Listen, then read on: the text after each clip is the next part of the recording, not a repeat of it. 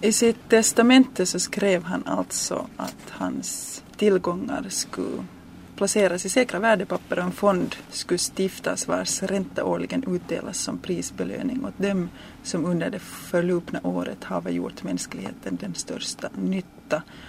Och den räntan skulle delas upp i fem delar, kemi, fysik, medicin, fred och litteratur. Och eftersom han själv var kemist så kemi och fysik är kanske inte så förvånande. Det finns de som har undrat varför det finns andra vetenskapsgrenar som har blivit utan Nobels pris. Men vad gäller litteraturen till exempel så var han tydligen en stor älskare av poesi. Och så skrev han en del själv. Bland annat så skrev han en pjäs, en satirisk pjäs i fyra akter som hette Nemesis tror jag. Som hans anhöriga sen efterlevande brände upp efter hans död.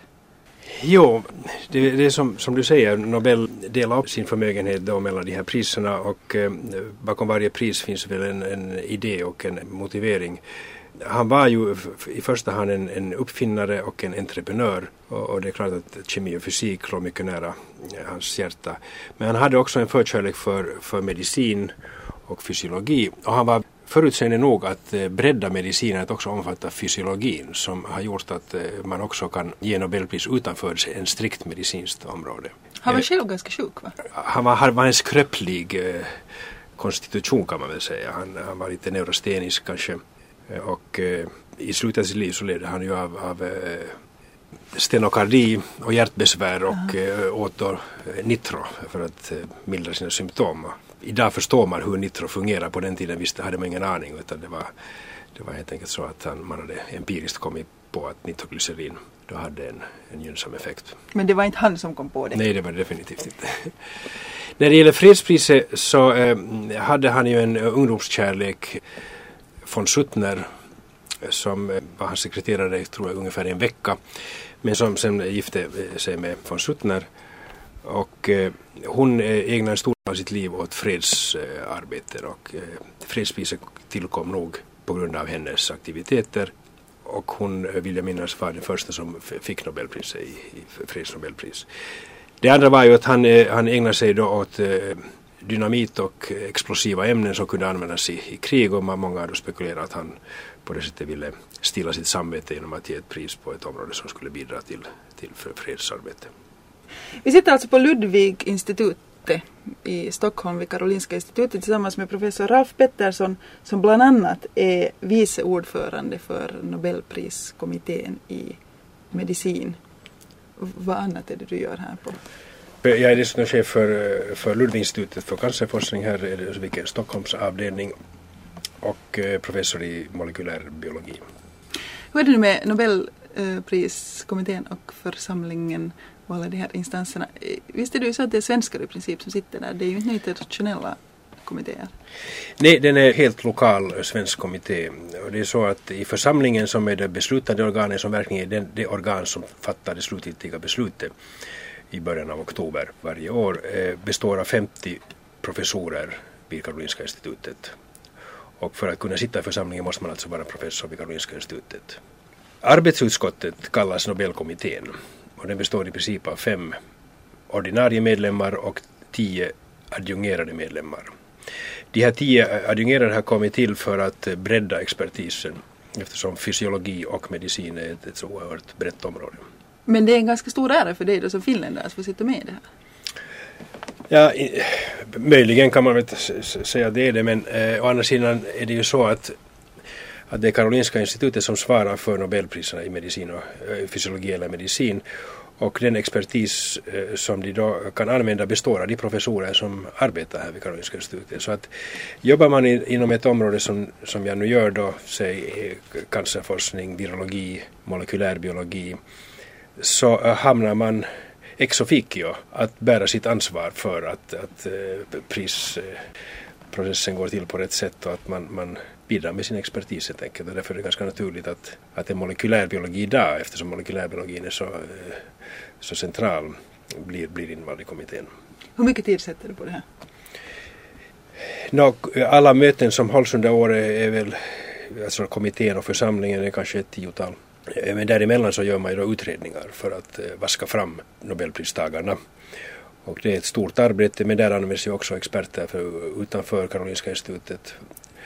Och eh, arbetsmängden egentligen beror på hur, eh, om man eh, ska övervaka några kandidater som, som direkt berör ens eget forskningsområde, där man är expert.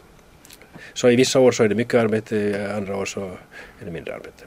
Men i princip så måste ni ju, ni fem eller femton som då sitter och, och gallrar ut folk som har blivit föreslagna till det här och sen då så småningom välja fram.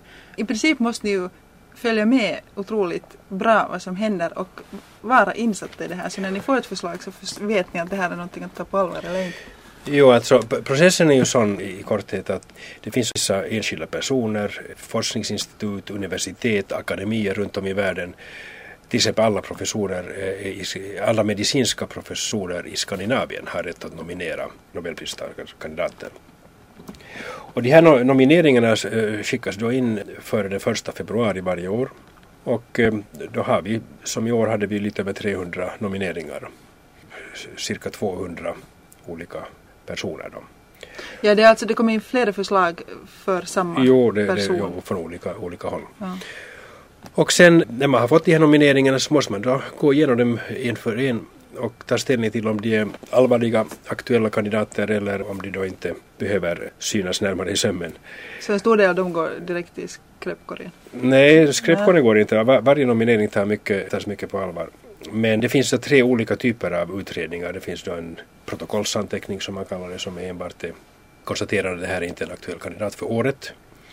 Och så finns det då en som säger att en kandidat är potentiellt en, en aktuell pristagare. Då gör man en förberedande utredning och eh, utmynnar den då i en konstaterar att det här är en verkligt betydelsefull kandidat så gör man en, en särskild prövning. Så det finns olika grader av utredningar och, och den särskilda prövningen är mycket omfattande och, och görs då, eh, där man tittar på hela forskningsfältet och konkurrenterna och eh, vilka andra som har bidragit till det. Så att och det här, den här utredningen pågår vanligtvis i flera år. Jaha. Så det är, inte, det är inte fråga om att man fattar ett beslut för, för, för just det året utan vanligtvis krävs det mycket djuplodande och omfattande eh, utredningar som görs av flera experter på flera områden. Så hänger den kandidaten med då flera år utan att den behöver nomineras? Nej, och det är viktigt att konstatera att det, man kan vara aktuell för ett Nobelpris enbart om man har blivit nominerad just det året. Men era utredningar har ni kvar i era Det är mappar, klart, ja, att... ja. Och de är hemligstämplade i 50 år. Aha, 50 år efter så kan man Ja. se vad ni har Det är först när funderat 50 på. år har gått som forskare och, och, och egentligen i princip vem som helst som är, är seriös, man måste kunna dokumentera att man är en seriös person och forskare. Eh, Det är först 50 år senare man har tillgång till, till eh, utredningarna, nomineringarna och eventuella andra kommentarer som har gjorts kring detta. Men händer det då att när ni får in era förslag den, vad sa du, sista januari var det så? Du Ja, sa första februari första februari, så då vet ni direkt att den här kommer att få priser i år? Nej, det vet vi inte alls. Vi, alltså vanligtvis kan man säga, eh, det finns en gräns för hur långt jag kan gå för det här är ju mycket sekretessbelagt och det är en del av prisets renommé och eh, status kan man säga baserar sig just på att, att, att det här arbetet, är- man gör ingen väsen av det, man går inte ut i pressen med det utan det, och, och det är hemligstämplat. Men vi vet ju aldrig i början av året vem som får Nobelpriset det året. Alltså det, det, det är helt beroende på Nobelpriset eh, annonseras ju eh, vid en presskonferens eh, ungefär kring den 8-10 oktober. Och kort före det så vet vi. Egentligen fattas beslutet samma dag som vi har presskonferensen, samma morgon. Sammanträder för Nobelförsamlingen för att fatta beslutet. Det är först då vi vet med säkerhet. Och sen ska det här presenteras för kungen och drottningen i något skede. Ja, jo, det är en, rutinhistoria som, där sekreterare för de enskilda Nobelkommittéerna då eh, går upp till, till slottet och presenterar själva Nobelpriset, varför, varför de har fått Nobelpriset och eh, också berättar lite om, om saker kring det och, och går igenom hela ceremonin för det året. Det är klart att ceremonin eh, förefaller vara identisk från år till år men det finns alltid saker som, som ska bestämmas. Och eh, kungen och drottningen är ofta intresserade av att veta vilka personligheter som döljer sig bakom namnen. Det är någonting du har gjort en gång.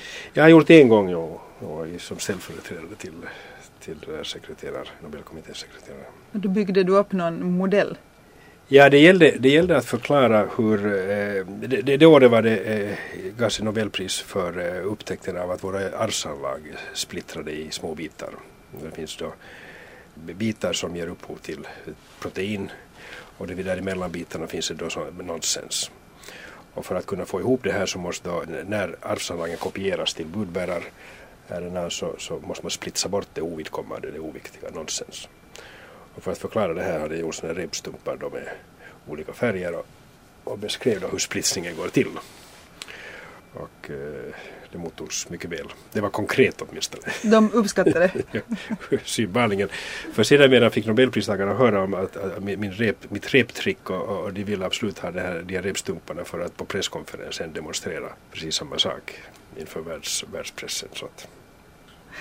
Jag satt eh, senast vi såg så, så satt du tillsammans med eh, ett antal läkarkollegor och så sa, hörde jag dig säga åt dem att du, du berättade om någon finländsk journalist som hade, hade pratat med dig och så sa du att och den finländska journalisten så ställde samma korkade fråga som de alla ställer att när får en finländare Nobelpriset? Och alla dina kollegor skrattade och jag var sådär att jo, så när får en finländare Nobelpriset? Varför är det en korkad fråga? Jag har nog aldrig uttryckt det som en korkad fråga. Det är en mycket bra fråga i och för sig. Jag menar, det har i många sammanhang alltid efterlysts eh, att Finland skulle behöva ett Nobelpris för att eh, forskningen skulle komma i medvind. Men eh, det enda jag brukar säga är att inte kan, man, inte kan man gå och hoppas på ett Nobelpris och inte kan man heller målmedvetet gå in för att skaffa ett Nobelpris åt Finland. Utan det enda som behövs eh, för att skapa möjligheterna för en framtida Nobelpristagare är att ha en långsiktig forskningsvänlig politik. Och så måste man komma ihåg att finsk forskning är ju mycket, traditionen är mycket kort på 50-60-talet publicerade finska eh, medicinska forskare för det mesta i inhemska tidskrifter eller möjligen engelskspråkiga men ändå finska tidskrifter. Det var först i slutet av 60-talet som, som man började eh, skönja att finsk forskning eh, höll på att bli internationell. Så vi, vi talar om 20-30 års forskningstraditioner då jämfört med Sverige som har flera hundraåriga traditioner. Så att man måste ha lite tålamod. Och min bedömning är att finsk forskning idag är på mycket solid grund och det finns eh, mycket bra forskare. Huruvida de sen kommer att få ett Nobelpris det är en helt eh, annan sak. Det hänger på dig det? Det, det hänger inte alls på mig. Jag har, jag har ingen andel i det utan det, det hänger på den enskilda forskaren att, att uh, komma med en upptäckt. Vad är kriterierna för Nobelpriset i medicin? Ja, eh, det, det, är ju så att eh, kriterierna definieras ju egentligen ganska kort i, i Nobels testamente och där står det att det ska vara för en upptäckt gjord under det föregående året till mänsklighetens största nytta. Eh, vad som är till mänsklighetens största nytta är oerhört svårdefinierat, det är subjektivt och ofta kommer man först underfund med det tiotals år senare om det har varit till verkligt stor nytta att det har gjorts under föregående år är orealistiskt för det tar ju som, som sagt eh, en lång tid förrän man kan verkligen se om en upptäckt har slagit igenom och eh, betytt någonting. Alltså det Nobelpris som nu delas ut så är för det mesta sånt som har delas ut för någonting som har gjorts för 20 eller 30 eller ännu flera år sedan. Jo, och ofta kan man kanske beskylla Nobelprisen för att vara lite dammiga, lite ointressanta för att upptäckterna har gjorts för så hemskt länge sedan. 20-30 år är inte alls ovanligt. Rekorden lär väl vara eh, Peyton Rouse som fick uh, sitt Nobel 50 år efter det han upptäckte cancerframkallande Levde han virus. då? Jo, han levde. man kan inte få Nobelpriset om, man om, man, om man avlider. Det, och det är en viktig, viktig sak här. Så att eh, summa summarum så är det upptäcktsmomentet som är det, det viktigaste kriteriet. Det måste alltså inom medicin vara en upptäckt där, eh, som klart ändrar på forskningsinriktningen, öppnar ett nytt fält eller så. Men först 20 år senare så kan man se att det här har haft en betydelse? Som... Det varierar ju oerhört mycket. Jag, jag var själv, eh, efter det jag disputerade, var jag hos en nobelpristagare. Han fick nobelpriset 75 och jag började där i januari 76. Han fick eh, sitt nobelpris vid 38 års ålder, fem år efter sin upptäckt. Uh -huh. Vilket är något av ett rekord. Men, men eh, det, det varierar beroende på vad det är frågan om. Vissa saker är så uppenbart uppenbart viktiga och, och har stor betydelse. Sen är det också det att, att själva processen att, att vaska fram eh, Nobelpristagarna kan variera och, och den här utredningsarbetet eh, kan, kan, dra ut på tiden. Det kan vara komplikationer. Man måste komma ihåg att man kan ge Nobelpriset åt högst tre personer. mm. så har det varit fyra som har varit bidragit till att göra upptäckten så, så blir nästan ett Nobelpris omöjligt för att man kan inte då fälla bort en som det skulle vara orättvist mot den personen. Det är också något som har diskuterats att det eventuellt borde ändras på för det är inte Nobels egen vilja, det, var det, det är någonting som sen bestämdes. Ja, det står i, i Nobels grundstadgar nog, mm. så att eh, huruvida Nobel personligen ansåg det vet jag inte, men när, när stadgarna skrevs i början av seklet, eller, eller på, i slutet av 1800-talet, eh, så uh, begränsar man det till tre. Borde det ändras på? Nej, jag tycker inte för att det, det, det börjar man tumma på den regeln så kan det bli ohållbart och, svårt att, att avgränsa det. Men det gör ju att vissa stora upptäckter går till historien utan att ha belönats med Nobelpris. Själv skulle jag vilja se att man, man uh, ur Nobelprisen skulle kunna avläsa eller uh, se vetenskapshistoriens utveckling. Att, att de viktiga upptäckterna skulle vara så att säga dokumenterade i historien via Nobelprisen. Och i stor utsträckning är det på det sättet. Men det finns ju en del områden som aldrig har fått ett Nobelpris trots att det skulle ha varit orsak just av, av, av, de här tekniska komplikationerna. Mm. Vem finns det som du till exempel skulle vilja ge eller skulle ha velat se att ha fått priset och inte ha kunnat få det eller inte fått det? Det där kan jag inte kommentera. För att du inte får? Eller för att, för du att inte får. Finns det nu sådana ska vi säga, upptäckter som ni vet att de hade så stora upptäckter, de skedde för fem eller tio år sedan, att de en dag kommer att eventuellt kunna ges Nobelpriset men att ni måste vänta och se vart utvecklingen går om det visar sig vara eventuellt skadligt istället? Jo, det finns, det finns flera sådana områden. Man måste komma ihåg att man kan ju dela ut ett Nobelpris bara varje år, ett per år mm. och, och det betyder att det finns en viss tågordning och det gör att i vissa fall så drar det ut på tiden. Sen finns det sådana som den man som uppfann lobotomin och den man som började använda DDT, jag vet inte om han tillverkade eller om han började använda det. Så de har fått Nobelpriset och det är ju kanske sånt som om man ska vänta några år eller årtionden så skulle man ha inte jo, och det, och det är en viktig sak där. För det första så är det ju så att Nobelkommittéerna kan egentligen, får inte göra något misstag. För att Nobelprisets fantastiska renommé och rykte runt i världen baserar sig i mycket hög grad på att, att det går till rätta personer. Besluten har varit väl eh, underbyggda. Men, men som sagt när det, just kommer till nya behandlingsmetoder till exempel, eller eh, ta DTT, där man under den första period tycker att det här är oerhört viktigt och det har haft en, en positiv och gynnsam effekt. Sen när medicinen utvecklas så, så plötsligt så inser det här var ju medeltida, det här, det, här, det här är helt oacceptabelt enligt nya etiska principer eller det kommer bättre metoder. Och, och då kan man ju sen långt senare ifrågasätta om det var rätt att ge ett pris åt en, en viss person. Och, och det här är en avningsfråga, därför måste man nog vänta tillräckligt länge för att se att priset ges åt rätt person och att inte man sen blir beskylld för att ha, ha skyndat iväg för snabbt. Brukar ni vara ense? Kommittén, inom kommittén och mellan församlingen och kommittén? Det här hör till eh, kategorin eh, sekretessbelagda frågor. jag, kan inte, jag, får inte, jag får inte och kan inte svara på den frågan. Du får inte berätta om alla grymma grejer. Alla beslut, jag kan säga att alla beslut är enhälliga. Så mycket kan jag säga. Mm. Du sa att den här sekretessen är jätteviktig och, och det är hemskt sällan det sker läckage från er sida ut till till exempel media. Men det har varit vissa skandaler med mutningar eller påståenden om mutningar. Och... Jo, låt, låt mig först ta den första punkten. Eh, alltså läckage har inte skett. Och det beror nog mycket på det att om man sitter med i det Nobelarbetet och eh, skulle till äventyrs då vilja prata med pressen utöver eh, gränsen för sekretess så är det ju ens rykte och ens framtid på Karolinska institutet som står på spel. Och jag, ingen forskare, ingen professor här vill riskera sin, sitt rykte och sin karriär bara för att prata, ta, ta, prata, prata vid munnen. När det gäller skandaler, jo, eh, Nobelprisen är så oerhört betydelsefulla runt om i världen. Alltså, varje land så, så eh, när, när, det kommer en ny Nobelpristagare så, så, blir han en nationalhjälte och en guru och håsas upp. Kanske mer än en, en idrottsman någonsin. Mm. Och, och det är ju klart att eh, det då är också lätt att, det blir skandaler och, och tal om mut. Mutor har, har ju florerat här under senare tid. I alla fall eh, som jag känner till så har det helt enkelt varit, varit fullständigt ogrundade.